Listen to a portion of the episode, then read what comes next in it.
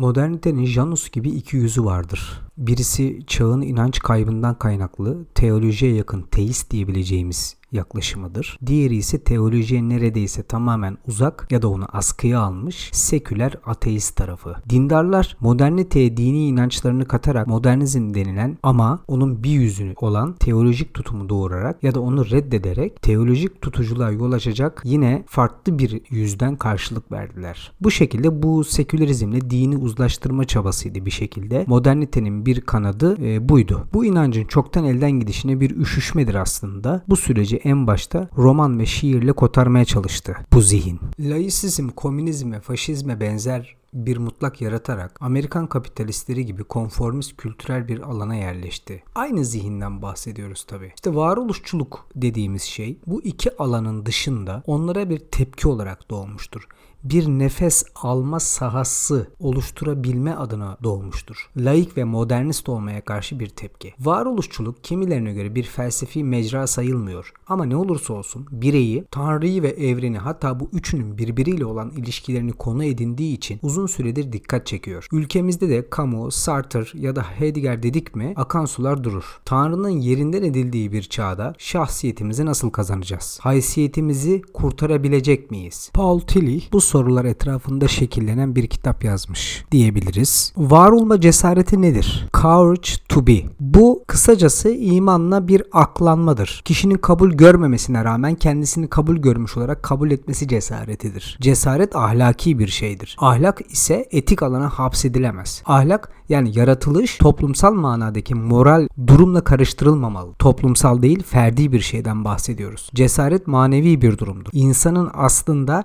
şahsiyetini kazanma çabasına cesaret diyebiliriz. Ahlak dediğimiz yani hulukin azim dediğimiz durumuyla şahsiyeti yükselten ve baştan itibaren var olanın yeniden var olma insiyakidir. Ortada bir mevcut var, bir insan var fakat var değil. Onun varlığını tekrar kazanma çabası cesaret gerektirir ve bu şahsiyeti kazanma yolculuğudur. Burada ilk bilinmesi gereken ölüm ve hayatımızdaki zorluklar korkunç değildir. Korkunç olan onun korkusudur. Kierkegaard'ı referans alırsak kaygı ve ironi kavramlarını aklımıza getirebiliriz. Ölüm korkusu kaygı doğurur. Doğurur ama Tilly'in verdiği örneğe bakarsak mesela Stoacı bütün bir hayatı acısıyla tatlısıyla kabul etmesinde Sokrates'in ölümünü örnek almıştır. Sokrates ölmüştür lakin mirası Stoacılara cesaret ve ilham vermiştir. Var olma insanın yalnız başına kat edeceği bir mesafedir. Toplumla birlikte olmaz. Yani bir şekilde sosyolojik ve siyasi ideallerle insan şahsiyet kazanamaz. Çünkü çoğunluk dediğimiz insan yığınları arzularının ya da korkularının esaretinde yaşayanların mecrasıdır. Onlar da özünde bir bireyin ya da logosun ürünüdürler ama akıllarıyla çatışma halinde oldukları için şahsiyetini kazanmaya çalışan insanı aşağı çekerler. Benliklerini cesurca onaylayamazlar.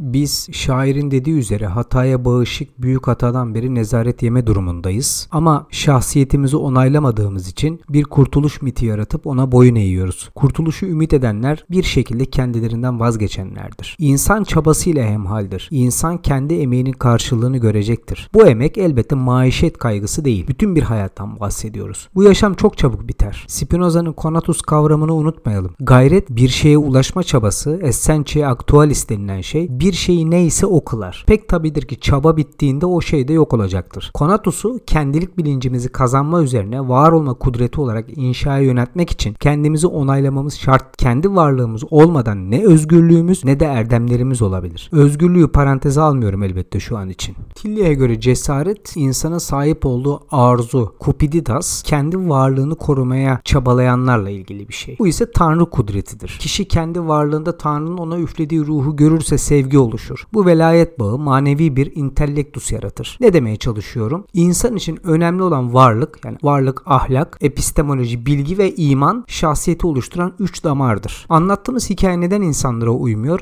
Çünkü bu zor olandır. E, Nietzsche o yüzden ne diyordu? Zor olanı seçin şahsiyeti kazanmak son derece özgün ve kişisel bir şeydir. Bunlar sonradan farklı şahsiyetlerle velayet bağı kurabilirler. Lakin bu daha da zordur. Nietzsche'nin güç istenci dünyayı yakıp yıkma üzerine değildi.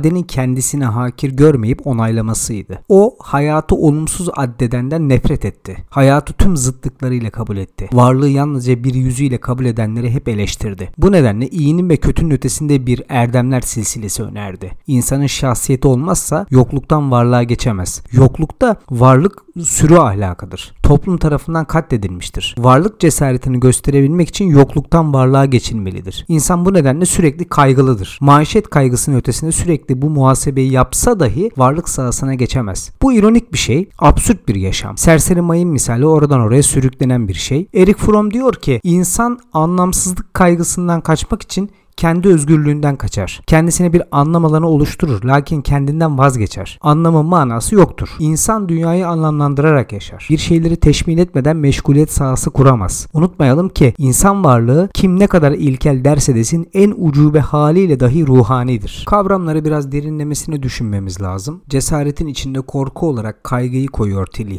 Çünkü zaten korkmayan insanda ahlak olmaz. Cesaret de kaygıyı ortadan kaldırmaz. Kaygımız çok derinden bir sızı olduğu için yok olamaz. Cesaretimiz kendimizle olan savaşımız süresince bize lazımdır. Çünkü yoklukla savaşıyoruz. Kierkegaard'ın varoluş felsefesini düşünelim.